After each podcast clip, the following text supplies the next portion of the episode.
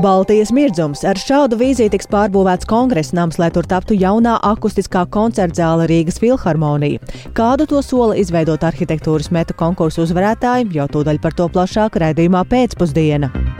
Kā Krievijas karš Ukrainā ietekmē sabiedrības noturību Latvijā, cik gatavi iedzīvotāji jūtas krīzes situācijā, cik daudz paļaujamies uz valsts institūcijām un cits uz citu, iepazīstināsim ar ekspertu jaunākā pētījuma secinājumiem un veselības inspekcija pabeigusi pārbaudas ēdināšanas iestādēs ap Rīgas centrālās stacijas laukumu, kur pirms nedēļas tika fiksēti žurku bari. Kādi ir inspektoru secinājumi? Arī par to visu plašāk raidījumā pēcpusdiena kopā ar mani Dāci Pēkšēnu.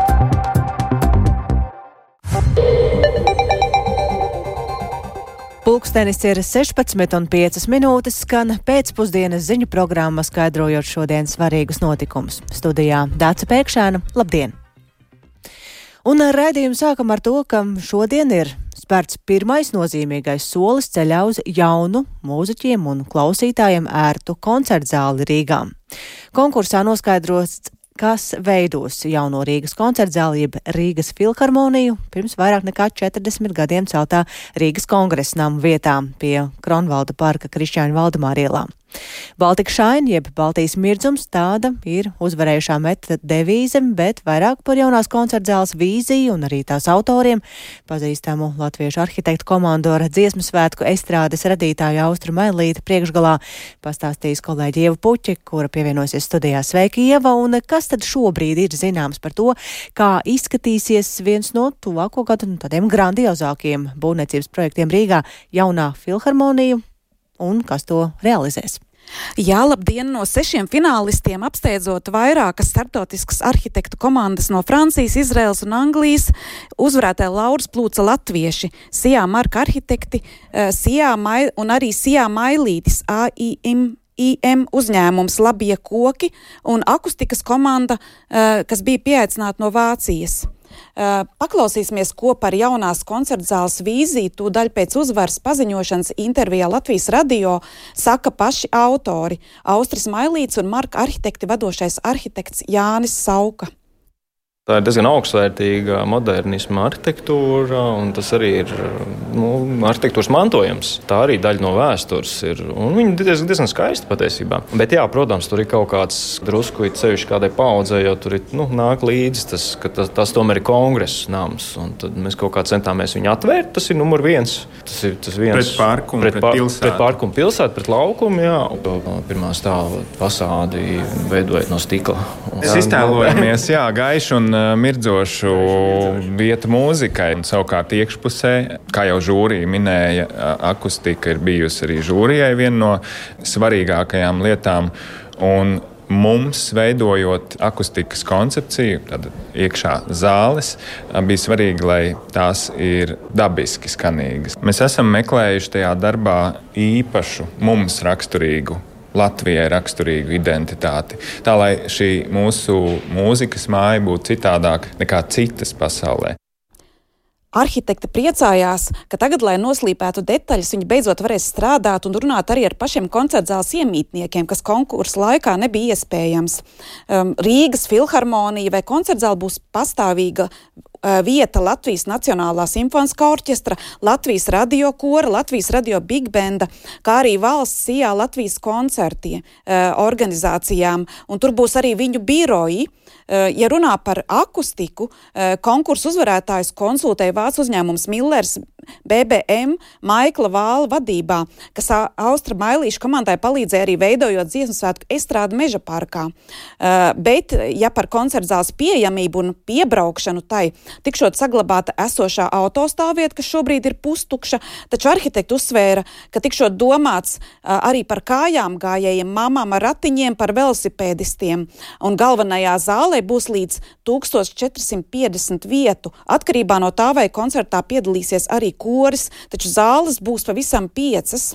Kāpēc šī vīzija izrādījās galvas tiesu pārāka par citām Latvijas radio pamatoja Latvijas Arhitektu Savienības prezidents Juris Poga, kurš bija arī žūrijā. Klausieties! Tas darbs uzrādīja vislielāko kompetenci, visplašākajā nozīmē. Ja. Tur bija atbildes uz visiem jautājumiem, pat līdz detaļām, piemēram, ko viņi saglabā un ko viņi pārmanto Un kā to izdarīt? Tāpat ir būvdarba organizācijas projekts sadaļas, kur viņi raksta, rāda, ne tikai raksta, bet dod schēmas kā tas būtu būt jāorganizē, lai to, ko saglabā, lai tas nesabruktu pa ceļam. Nu, kaut kā tā. Ja, tur.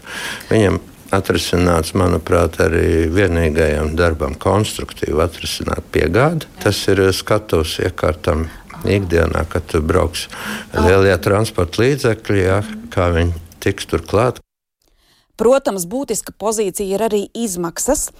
Projektēšanai paredzēts atvēlēt 3,5 miljonus eiro, bet kopējās izmaksas šobrīd tiek lēstas uz 70 miljoniem eiro.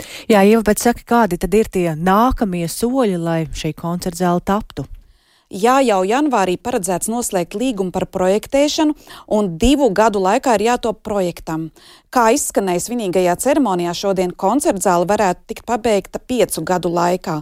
Bet šajos laikos, protams, eh, situācija ir diezgan neprognozējama un arī izmaksas eh, mēdz eh, svārstīties. Jūras Poga teica, ka jo ātrāk šo projektu virzīs uz priekšu, jo lētāks tas varētu būt. Mm -hmm. Paldies! Ievai Puķei, un jāteic, ka arī plašāka saruna par to ir gadām rīt redzīmā Kultūras rondo, kura viesi būs konkursa žūrijas komisijas priekšstādātājs Gatis Didriksons un Latvijas Nacionālā simfoniskā orķestra direktora Indra Lūkina. Bet eh, nu par kādu citu ēku Rīgas centrā. Jau janvārī apstiprināšanai saimā virzīs likumu par tā sauktā Maskavas nama pārņemšanu valsts īpašumā, un to plāno darīt steidzamības kārtām, taču nama pārņemšana nav arī gluži bez šķēršļiem, jo ēkai ir iekrāti nodokļu parādi, un kā šo ēku ir paredzēts izmantot un cik izmaksās tās uzturēšana pēc pārņemšanas, par to vairāk Jāņa Kīņš ierakstā. Tā saucamajā Maskavas namā Marijas ielā septiņi arī pēc Krievijas pilna mēroga iebrukuma Ukrainā ir darbojušies Krievijas īstenotās agresijas atbalstītāji. Tāpēc Latvijai ir pienākums vērsties pret šādu aktivitāšu atbalsta vietas pastāvēšanu. Tas lasāms Saimnes Nacionālās drošības komisijas virzītā likumprojekta paskaidrojumā. Šīs ēkas pārņemšana ļaus pārtraukt kultūras pasākumu un interešu izglītības aizsargā notiekošas Latvijas nacionālo drošību apdraudošas aktivitātes. To uzsver arī Tieslietu ārlietu ministrijas parlamentārā sekretāre Lauma Paegļa Kalna. Pats likuma mērķis ir tieši šī valsts drošības apdraudējuma novēršana. Maskavas nams ir tā sauktais Maskavas nams, tad šis nams Marijas ielās septiņi Rīgā.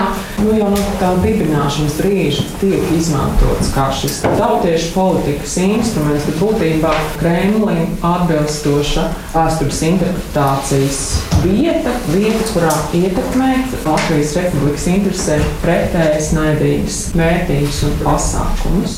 Maskavas nama īpašuma tiesības nostiprinātas Maskavas pilsētas īpašuma departamentam. Maskavas nama juridiskā pārstāvniecība ir saistīta ar Maskavas pilsētas domi, kuras vadība ir pakļauta starptautiskām sankcijām. Iespēju ēku pārņemt paver arī fakts, ka šai ēkai nav konsulārās aizsardzības. Ēka atrodas uz satiksmes ministrijai piedarošu zemes gabalu, un likumprojekts paredz izveidot vienotu nekustamo īpašumu ar zemi un ēku. Pēc likuma pieņemšanas ēka būs jāatbrīvo gan no tur esošajām mantām, gan citur jāpāreģistrē reģistrē dažādas organizācijas, kā Krievu Biljardu federācija, Krievu sabiedrība Latvijā un citas. Pret šo plānu valstī pārņemt Maskavas namu iebilst Saimas aizsardzības komisijas deputāts Edmunds Ziltiņš no Latvijas pirmajā vietā. Pārņemot viena nama atslēgas, nevarēšot cerēt izskaust pretvalstiskas aktivitātes, vērtē deputāts. Pret viņa teikto iebilda Nacionālās drošības komisijas deputāts Jānis Dombrava no Nacionālās apvienības. Pieņemam lēmumu un uh, visā Latvijas teritorijā visus, kas pieder Krievijai, visus īpašumus ar vienu reizi arī atsavinam, bet nevis tagad uh, cērtam kaķim astu pa gabaliem. Svarīgi ir atrast ļoti skaidru precedentu, un šis precedents ir Latvijas gadījumā Maskavas nams. Es neizslēdzu iespēju, ka mūsu piemēram sekos ļoti daudz Eiropas valsts. Ēku iecerēts izmantot palīdzības sniegšanai Ukrainai un Ukraiņiem. Īpaši uzsvērts, ka Latvijai nav nolūka gūt kādu materiālu labumu no šī nekustamā īpašuma. Pārņemot ēku, no valsts budžeta varētu nākties sekt 36 tūkstošus eiro lielu parādu, tajā skaitā par zemes nomas maksu un nekustamā īpašuma nodokli. Savukārt ēkas uzturēšanas izmaksas gadā lēstas ap 400 tūkstošiem eiro. Izstrādāto likumu atbalsta arī valsts drošības dienests un satversmes aizsardzības birojas. Abu dienestu pārstāvji to apliecināja Saimnes aizsardzības komisijas sēdes atklātajā daļā.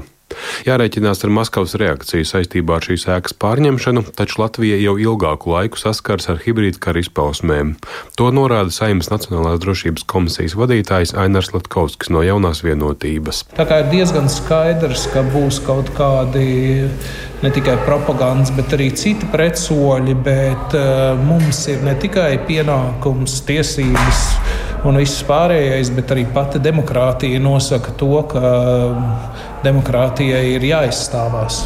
Demokrātijai jābūt stiprai, un šis likuma projekts, ko parlaments pieņems demokrātiskā ceļā, tas arī būs pierādījums tam. Saimnes plenārsēdē pirmajā lasījumā likumu par tā saucamā Maskavas nama pārņemšanu plānots skatīt jaunadēļ, bet galīgajā lasījumā janvāra otrajā nedēļā. Jānis Kincis, Latvijas Radio. Tas tātad par to, ka saima mēneša laikā plāno pieņemt lēmumu par Maskavas namu pārņemšanu, bet kā Krievijas karš Ukrainā ietekmē sabiedrības noturību Latvijā, cik gatavi Latvijas iedzīvotāji jūtas krīzes situācijām, kas mūs satrauc šajā laikā, cik daudz paļaujamies uz valsts institūcijām un cits citu. Šie ir tikai daži no jautājumiem, uz ko atbildes sniedz plašāks sabiedrības noturības pētījums, par ko šodien ar ko šobrīd, šodien ir iepazīstināta plašāka sabiedrība un par pētījumu rezultātiem. Tūdaļ runāsim ar Latvijas transatlantiskās organizācijas ģenerālsekretāri Sigitu Strubergu. Labdien! Labdien! Vispirms tā īsi, ko tad īsti nozīmē šī sabiedrības noturība? Noturība pret ko? Dezinformāciju, psiholoģisko spiedienu? Uh, jā, paldies. Šis tiešām ir ļoti uh, būtisks jautājums jo noturība būtībā nozīmē gan individuālo, gan sabiedrības, gan valsts spēju pretstāvēt un pietiekami ātri atgūties dažādās krīzes situācijās. Nu, Tātad ir divi veidi, kā mēs, kā mēs varam reaģēt uz draudiem. Viens ir, ka mēs tos draudus novēršam, bet, piemēram, situācijā ar Krievijas agresīvo karu Ukrainā šo draudu Krievijas agresiju mēs novērst nevaram. Tas, ko mēs varam, tas ir stiprināt savu noturību pret dažādiem izaicinājumiem, ka tie draudi, kas ir Ukraiņas kara kontekstā, mūsu uh, sabiedrības uh, nu, tādu, uh, izdzīvošanu un uh, um, labbūtību, labklājību ietekmē pēc iespējas mazāk. Tad tā būtu tā noturība. Vai arī noturība krīzes situācijā, ka Mēs zinām, kā rīkoties, uh, nu, piemēram, arī vētras situācijā vai, vai situācijā, ka nevaram tikt ārā no mājām, vai cik mēs esam gatavi. Tātad šīs ir dažādas noturības dimensijas. Tradicionāli mēs runājam par informācijas draudiem un informācijas noturību, taču būtībā nu, tai noturībai ir daudz uh, dažādas dimensijas. Un kāda ir secinājuma, kā mums ar to sokas?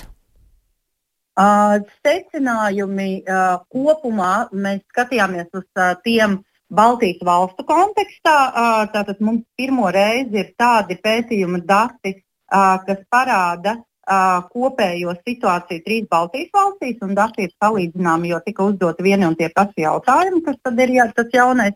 Uh, bet tā situācija ir tāda, ka ir uh, gan labās ziņas, kas attiecās uz uh, nu, tādu uh, iedzīvotāju identificēšanos ar Latvijas valsti un uh, pilsonību kā nozīmīgu identitātes sastāvdaļu, bet ir arī vairākas sliktās ziņas, kas ir saistītas gan ar neusticēšanos uh, valdībai, ko mēs esam dzirdējuši gana daudz. Uh, bet varbūt šis pētījums ir uh, nu, tāds, uh, es neteiktu, ka jauns, uh, bet ar tādu uh, jaunu um, pieskaņu Uh, pasvītro uh, iedzīvotāju mhm. savstarpējo neusticēšanos, uh, un tie rādītāji Latvijā ir tiešām diezgan slikti. Kopumā vairāk nekā puse iedzīvotāju uzskata, ka uh, cilvēkiem kopumā uzticēties nevar. Uh, tāpat arī vēl viens tāds nozīmīgs, satraucošs rādītājs ir saistīts ar mm, gatavību krīzēm. Tas pašvērtējums par gatavību krīzēm ir uh, visai zems, it īpaši, ja, ja mēs runājam tālāk par nu, skaidrību par to, kāda būtu individuālā rīcība un, un te, piemēram, iedzīvotāju gatavība sadarboties ar valdību vai, vai, vai, vai, vai valsts pārvaldes iestādēm krīzes situācijā ir visai zema. Nu, tie ir tie uh, galvenie uh, rādītāji, kas uh, rada sastra, sat, zināmu satraukumu. Tas ir liel, lielā mērā saistīts ar to mm, no vienas puses gaidīšanu, ka mūsu krīzes atrisinās kāds, kāds no ārsta parasti ir paļaušanās uz NATO 5. pantu, mm -hmm. NATO karavīriem Latvijā, bet, bet nu, NATO esam mēs paši. Jā, bet jūs jau pieminējāt, ka īpašais ir tas, ka šie visi jautājumi tika uzdoti trijās Baltijas valstīs. Kā mēs izskatāmies uz pārējo Baltijas valstu fonu? Kopumā mēs izskatāmies diezgan līdzīgi. Pašvērtējumā par gatavību krīzē mēs izskatāmies ar Igauniem. Uh, nu, būtībā vienādi arī vērtējumā par to, cik mēs zinām par savu lomu krīzēs, un vērtējumā par to, vai mana kopiena ir gatava krīzē. Te ir aptuveni 25% gan Latvijā, gan Igaunijā. Uh, tas pozitīvais vērtējums. Nu, ir jāsaka, ka Lietuvā uh, tas vērtējums par kopienas gatavību uh, krīzē ir krietni augstāks. Um, savukārt uzticēšanās valdībai un bruņotajiem spēkiem rādītājos te Igaunija izskatās krietni labāk nekā Latvija un Lietuva. Nu, Latvija un Lietuva izskatās ļoti līdzīgi, tur ir tuvu 30% šī uzticēšanās gan bruņotajiem spēkiem, Nu, pareizāk būtu teikt, ka man ir pārliecība, ka valsts drošības dienesti un bruņoties spēki spēs mani aizstāvēt krīzes situācijās. Tas ir svarīgs formulējums. Mm -hmm. Un attiecībā uz uzticēšanos valdībai arī ir, ka ticu, ka valdība krīzē pieņems pareizos lēmumus. Latvijā, Lietuvā tie ir ap 30%, Igaunijā tie ir 36, bet tur 51 tic, ka bruņoties spēki un drošības dienesti spēs aizstāvēt krīzes situācijā. Jā, tā... Vēl es gribētu teikt, ka individuālās gatavības sadarboties krīzes apstākļos, nu te ar Igauniju mēs esam ļoti līdzīgi.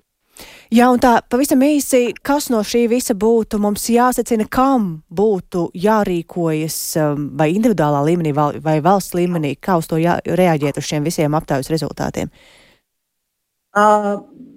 primāri man gribētos uzsvērt uh, individuālās atbildības apzināšanos, manuprāt, uh, pieauguši būtu jārunā par katra mūsu paša atbildību, uh, jo man liekas, ka gana daudz līdzīgos pētījumos pamatoti mēs kritizējam valdību, valdības komunikāciju vai pašvaldības, kas šeit iezīmējās, ka pašvaldībām, starp citu, uh, šī pārliecība par to, ka pašvaldības varēs palīdzēt krīzes situācijās krīt.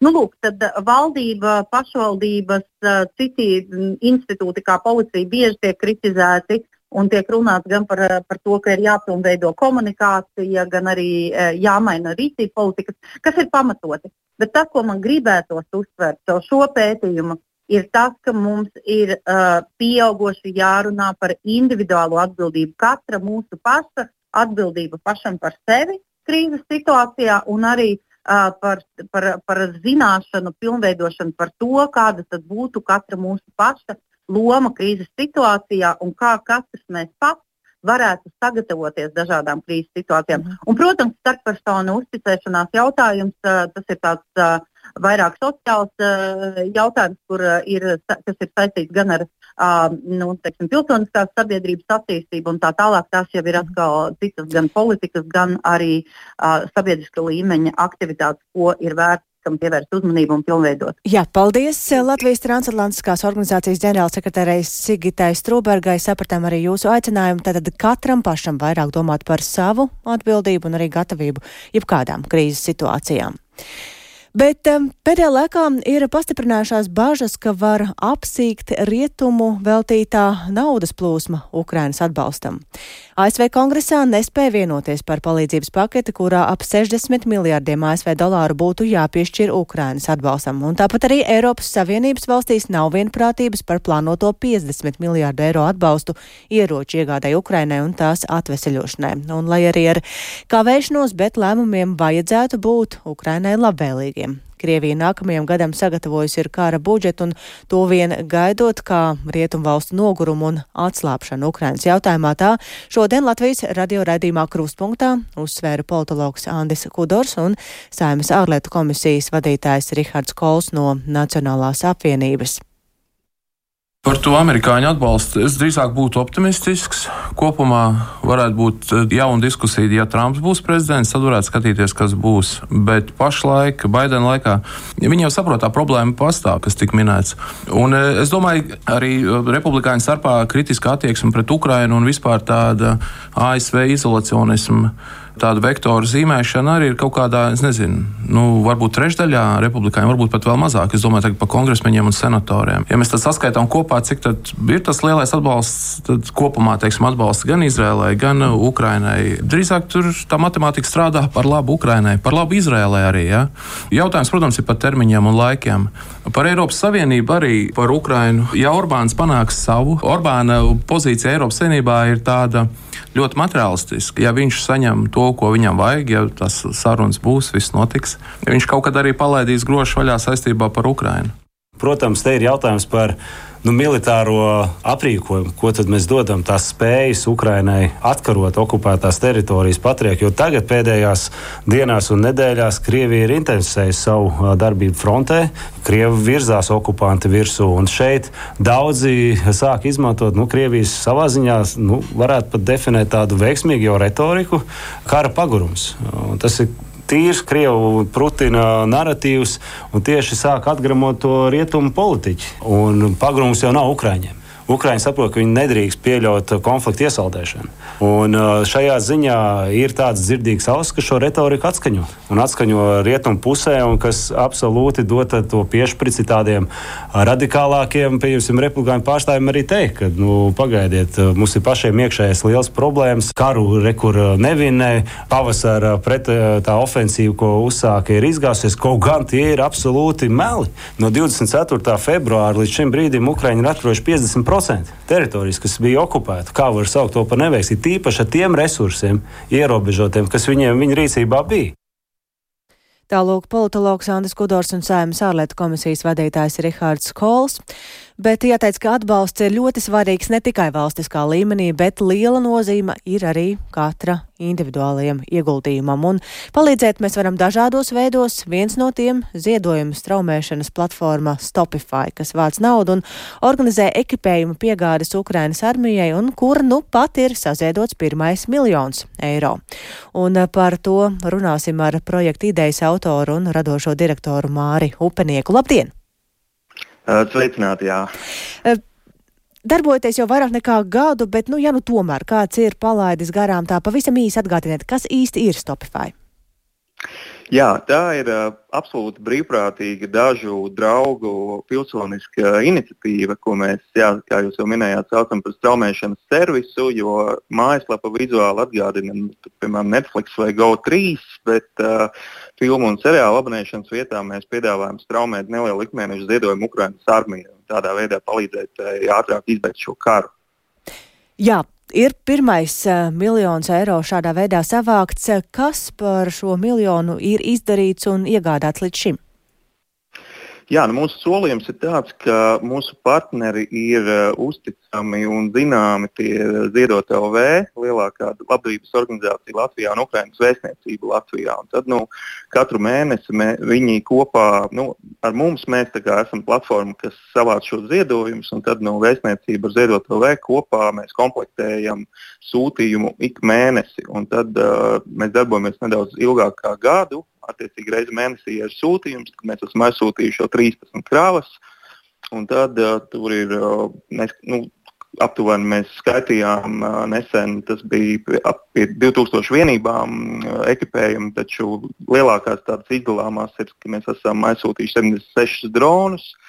10 automašīnas, 12 kvadrcikli, bagī, motocikli, 92 elektrības ģeneratori un tad arī daudzas sīkākas vienības, tur sākot ar uh, siltu apģērbu un uh, ne, nelielākas uh, jā, termovizori un tā tālāk. Jūs esat novērojuši paši, nu, kā mainās tās lietas, kas bija vajadzīgas varbūt pirms gada un šajā brīdī?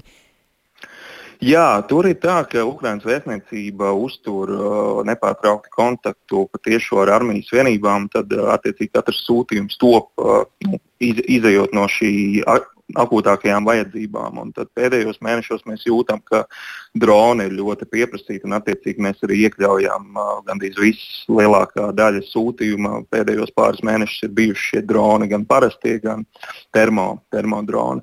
Jā, un vēl par jūsu ziedotājiem. Cik daudz zināt, no kurienes tie ir un cik, ir tās, cik liels ir tās summas, ko viņi ir gatavi ziedot? Jā, mūsu mājaslapā ir uh, precīza uzskaite, un uh, šobrīd mēs redzam, ka tās ir 49 valstis, uh, bet, protams, ir sajūta un aizdomas, ka lielākā daļa ir latviešu runājošie, jo mums visvairāk ir izdevies kā, tapt redzamiem un zināmiem Lat Latvijas kā, telpā, informatīvajā, bet, protams, ir arī pietiekuši daudz ārzemnieku, un, un par ziedojumiem runājot, jā, mazākais mazākā summa, ko ik mēnesi var ziedot, ir 6,99.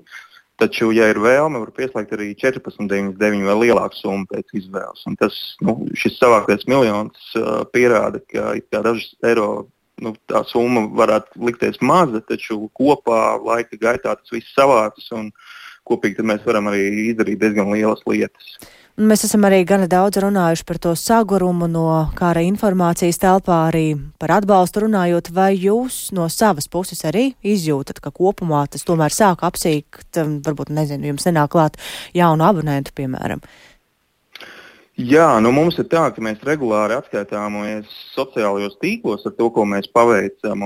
Tāpēc uh, nu, tīri tā visu laiku tiek uzturēta tāda sajūta, ka mēs strādājam, kas arī ir patiesība. Un, un tāpēc, protams, ir kaut kādi cilvēki, kas atslēdzas, jo nu, nevar, mēs nevaram, protams, gaidīt, ka kāds uh, nu, varēs tur ilgāk kā gadu, ik mēnesi ziedot summu, bet tas viss būtībā tas abonentu skaits šobrīd, cik mēs redzam, pēdējos mēnešos turās diezgan stabili uz vietas un kaut kas uh, kāds atslēdzas uz pavisam vai uz laiku, bet noteikti visu laiku arī tiek uzsākta jauna abonementa. Mēs teiktu, ka ņemot vērā jā, to informatīvajā telpā un ziņās redzamo, ka tas ir tas nogurums no kara un, un, un, un Ukrainai ir, ir grūti, ir, ir sajūta, ka cilvēki saprot, ka nu, šis atbalsts Ukrainai ir vajadzīgs. Nu, iespējams, vēl, vēl vairāk kā sākumā pašā kara. Un, mm -hmm. un, attiecīgi, mēs redzam, ka aktivitāte ir.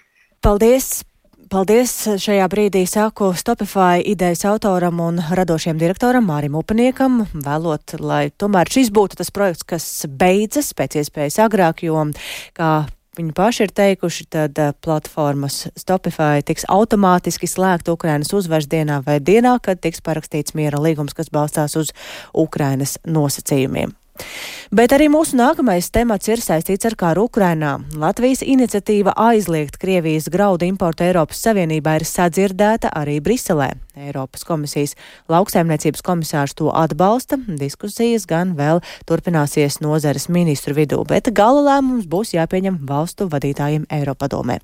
Un plašāk par šo tēmātu Sintīs Ambotas ierakstā. Briselē Eiropas Savienības lauksaimniecības un zivsaimniecības ministru padomes sēdē izskatīts Latvijas rosinājums aizliegt Krievijas graudu importu Eiropas Savienībā, bet vienlaikus saglabāt šīs produkcijas pārvadājumus tranzītā, lai neciestu nabadzīgās valsts ārpus Eiropas Savienības. Lauksaimniecības komisārs Jānis Švojcehauskis jautājumu virzībai paudis atbalstu un to plānots skatīt nozares ministru sēdē janvārī. No Krievijas lauksaimniecības produkcijas importam importam ir zems ierobežojumu līmenis Eiropas Savienībā. Šis imports Eiropas Savienībā kopumā 2022. gadā bija teju miljonus tonnas graudu. Latvijas delegācija prezentēja pozīciju, ka šis imports būtu jāaizliedz, un es paziņoju, ka komisija šo nopietni apsvērs, jo šajos apstākļos imports no Krievijas ir negodīgs atbalsts agresoru valstī. Latvijā no Krievijas šī gada 11 mēnešos ievestas teju 400 tūkstoši tonnas pārtikas graudaugu, lielākoties kūku kukurūza. Zemkopības ministrs Armāns Krauze no Zaļo un Zemnieku savienības papildina, ka lauksaimniecības ministru padomi jautājumu vēl apspriedīs, bet gala lēmums būs jāpieņem valsts vadītājiem Eiropadomē. Šajā tikšanās reizē tātad bija vai nu tikai atbalsts, vai arī dalību valsts vispār neizteicās par šo jautājumu. Domāju, ka savā ziņā šī klusēšana arī bija, vēl ir noteikti dalību valstu ministriem un citiem pārstāvjiem jāapspriežās savās valstīs. Un, kā mēs zinām, daudzas Eiropas valstis ir atkarīgas no graudu importa. Komisārs norādīja arī ļoti būtisku statistiku, un 2022. gadā kopumā ņemot uh, Ukrainas graudu eksports pasaulē samazinājies par 10 miljonu tonām, bet tajā pašā laikā Krievijas graudu eksports pasaules tirgos ir palielinājies par 15 miljoniem tonu. Latvijas dzelzceļš rēķina, ka ierosinātajam Krievijas graudu importa aizliegumam nebūs būtiski ietekme uz uzņēmumu, jo tikai 11 tūkstoši tonu no šīs kravu grupas bijuši kā importa pārvadājumi, kuru gala saņēmēji atrodas Latvijā. Tiesa, gana Latvijā ir izskanējušas arī diskusijas par to, vai nebūtu jāliedz arī Krievijas graudu kravu pārvadāšanu tranzītā uz trešajām valstīm. Piemēram, graudkopības kooperatīvs Latraps aicina valdību pastiprināt prasības arī Krievijas izcelsmes graudu tranzītam, lai pilnībā izslēgtu Latviju no dalības šajā ķēdē, norāda kooperatīva graudu tirzniecības nodaļas vadītāja Ginta Briede. Graudi ir tā produkcija, kura nav sankcionēta, tomēr Latvijas iestājas par šo graudu importu aizliegumu Eiropas Savienībā un arī šo te izšķiršanos par to, ka mēs neapkalpojam šīs tranzīta kravas, kas nāk no agresoru valstīm. Tā ir tāda morāla izšķiršanās, vai mēs gribam atbalstīt šo te Krieviju par katru izvesto graudu tonu, kas tiek aplikts ar eksporta nodokļiem. No savas puses mēs aicinam arī atteikties no šī tranzīta arī uz trešajām valstīm. Mēs būtībā aicinām atteikties no būšanas šajā ķēdē. Tranzīta kravās no Krievijas cauri Latvijai šī gada desmit mēnešos pārvadāta 2,96 miljonu tonnas graudu un to pārstrādes produktu, kā arī sēklas un augļi, norāda Latvijas dzelzceļš. Un tas veido te 25% no Latvijas dzelzceļa meitas uzņēmuma LZ Cargo kopējā pārvadāto kravu apjomu šajā periodā. Satiksmes ministrs progresīvo pārstāvis Kaspars Briškens portālā X jeb Twitter paudis, ka kritiski raugās uz Latvijas dzelzceļa ilgstošu ilgstošo atkarību no Krievijas tranzītkravām un ka ir pienācis pēdējais laiks pārorientēties. Satiksmes ministrijas nostāju komentē ministrijas parlamentārais sekretārs Girts Dobkevičs jāsāk ar šo pirmo soli, jāpanāk to, ka uh, faktiski mēs atsakamies no importa. Tālāk jau Ja mēs skatāmies uz šīm tranzīta krāvām, tad uh, ir arī pastiprināts darbs valdībā un darbs ar mūsu sadarbības partneriem arī, lai nonāktu pie gala lēmuma, tā kā vēlams maksimāli arī plašā areālā. Bet, ja mēs atgriežamies pie Latvijas dzelzceļa, tad, uh, protams, mēs tomēr redzam šo te potenciālo kravu pārorientāciju uz, uz rietumiem. Tās iespējas ir, iespējas ir jāizmanto. Arī zemkopības ministrs uzskata, ka ierobežojumi būtu jātiecina arī uz tranzīta jomu, bet pauda pārliecību pārliecību, ka Eiropas Savienība par to nav gatava diskutēt. Sinti Ambote, Latvijas radio.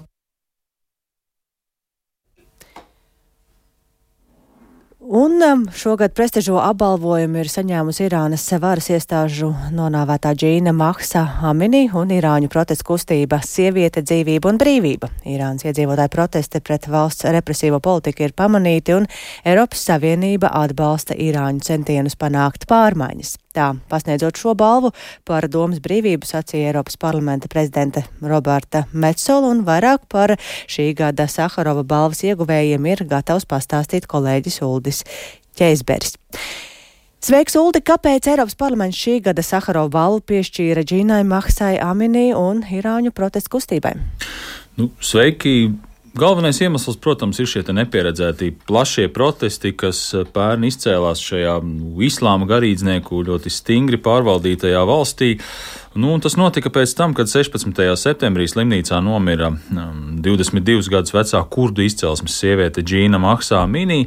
Un uh, dažas dienas agrāk viņu galvaspilsētā Teherānā aizturēja tā dēvētā likumības policija par to, ka Aminī nepareizi valkāja tradicionālo galvassegu hijābu. Nu, aculiecinieki apgalvo, ka aizturēšanas laikā policisti ar uh, nūjām sitā Aminī galvu un viņas galva arī tikusi triekta pret automašīnu, un notikušais uzšķīla, jā, Irānā ļoti plašus protestus, un šie protesti mm, norisinājās ar saukli Sieviete, dzīvība, brīvība, un nu, tajos piedalījās ne tikai simtiem tūkstošiem sieviešu, bet arī vīrieši, kuri pieprasīja atcelt šos stingros likumus, kas regulē sieviešu ģērbšanos sabiedriskajās vietās, un arī citus diskriminējošus likumus, kas eh, tieši stingri ierobežo sieviešu tiesības. Un varas iestādes ar tādu brutālu spēku vērsās pret galvenokārt miermīlīgajiem protestiem, kuru laikā nogalināja vairāk nekā 500 cilvēku, bet vēl gandrīz 20 tūkstošus arestēja, un vismaz astoņiem protestu dalībniekiem izpildīja arī nāvis sodu. Un šodien Eiropas parlamentā Strasbūrā tātad uh, apbalvoja ar Saharova balvu, un to pasniedza gan Amīni, gan protesta kustībai, kas izveidojās pēc viņas nāves. Un Eiropas parlamenta prezidente Roberta Metzola paziņoja, ka Irāņi ar savu rīcību ir iedvesmojuši visu pasauli. This year's Saharov Prize serves as a tribute to all the brave. Šī gada Saharova balva ir veltīta visām drosmīgajām un nepakļāvīgajām Irānas sievietēm, vīriešiem un jauniešiem, kuri par spīti ar vien pieaugošajiem spiedienam turpina cīnīties par pārmaiņām. Eiropas parlaments dzird un atbalsta jūs. Pēdējā gada laikā mēs esam pieņēmuši četras rezolūcijas, kas nosoda Irānas režīma nepieņemamos centienus apklusināt protestētājus un pieprasa noteikti sankcijas pret amatpersonām, kuras ir iesaistītas represijās pret protestētājiem. Tām daudzajām sievietēm, kuras uzdrīkstējās uzsākt revolūciju, es saku, jūs neesat vienas, mēs esam ar jums. You are not alone, we are with you. Jaunā mini piešķirto balvu saņēma viņas ģimenes advokāts, jo Irānas varas iestādes aizliedza izbraukt no valsts mini vecākiem un brālim. Savukārt kustības sievietē dzīvība brīvība vārdā balvu saņēma divas šīs kustības dalībnieces, kuras protestu laikā ieguva smagas traumas un bija spiestas pamest Irānu. Un viena no viņām bija Afsūna Džafī, kura sacīja, ka viņas cīņa nav galā. امروز که اینجا ایستادم به عنوان زنی معترض و نماینده زنان ایرانی هستم که از حکومت Mēs šeit pārstāvam visas irāņu sievietes, un mums ir apnicis Irānā valdošais režīms. Es protestu laikā zaudēju aci, bet es turpinu savu cīņu, un man līdzīgi domājoši cilvēki turpina cīnīties. Mēs esam izvēlējušās cīnīties pret islāma režīmu. Mēs tāpat kā sievietes citās pasaules valstīs tiecamies pēc brīvības. Mēs vēlamies dzimumu līdztiesību. Mums ir liektas mūsu pamatiesības. Islāma republika nepārstāv Irānas tautu, un es un cilvēki, kuri protestē, mēs esam Irānas tautas balss. Jā, nu var teikt, ka lielā mērā šī balva ir jā, tāda veicināšanas balva, lai um, atbalstītu uh, ir Irānā protestējošos cilvēkus. Un jāpiebilst, ka arī šī gada Nobela miera prēmiju saņēma Irāņu sieviešu tiesību aktīviste Nargesa Mohamedī, kura joprojām atrodas ieslodzījumā, un, uh, kad uh, Svētdien Oslo pasniedza šo balvu, to saņēma nevis, protams, nevis viņa pati, bet viņas bērni, kuri ar uh, Mohamedī vīru jau vairākus gadus dzīvo Eiropā, arī izsūtījumā. Tā kā uh, Irāņu tiesību aktīvistiem nav tie vieglākie laiki, bet uh, viņi joprojām mēģina cīnīties par savām tiesībām. Paldies Uldim Česberim un vēl noslēgumā atgriežamies tepat Latvijā. Rīgā tirzniecības centra origo ēdināšanas vietās žurku klātbūtne nav konstatēta, tāpēc kontrolas beigām šodien Latvijas radio informēja veselības inspekcijām un atgādinām, ka pagājušajā nedēļā sociālajās platformās izplatījās video, kurā ir redzams, ka centrālās stacijas laukumā pie atkritumu groziem ložņā žurku bars. Inspekcijā norāda, ka origo turpmāk teritorija apņemas sakopt e, ilgāk, tas ir līdz pulksten desmitiem vakarā. Tā žurnālistam Viktoram Demīdovam atzina sabiedrības veselības kontrolas nodaļas vadītāja Ilona Drišļuka. Mēs kā pārstāvi grauzējus neredzējām, bet pilnīgi iespējams, ka nakts laikā, kad nenotiek masveida cilvēku kustība, tad varētu būt, ka parādās šie grauzēji kaut kur virspusē. Inspekcija turpinās uzraudzīt, jo šai teritorijā jau ir veikti visi deratizācijas pasākumi, bet pakalpojums sniedzējs kā saka, tuvāko nedēļas laikā veiks arī atkārtot teritorijas apsekošanu, lai pārliecinātos par deretizācijas pakalpojumu efektivitāti un, ja nepieciešams, veiks atkārtotus deretizācijas pasākums. Vai tas nozīmē, ka cilvēkiem riska vairāk nav? Protams, par situāciju pilsētā kopumā. Inspekcija ļoti ieteiktu arī pieslēgties pašvaldību, jo par publisko ārtelpu pilsētā būtu arī jāsako līdzi arī pašvaldībai, vai noteikt stingrākas prasības savos saistījušajos noteikumos, kas attieksies, teiksim, uz šo ēku īpašniekiem kā papildus pienākumu, bet arī pašvaldība var aktīvi iesaistīties situācijas sakārtošanā, teritoriju sakopšanā, ko regulē Rīgas domas saistošie noteikumi.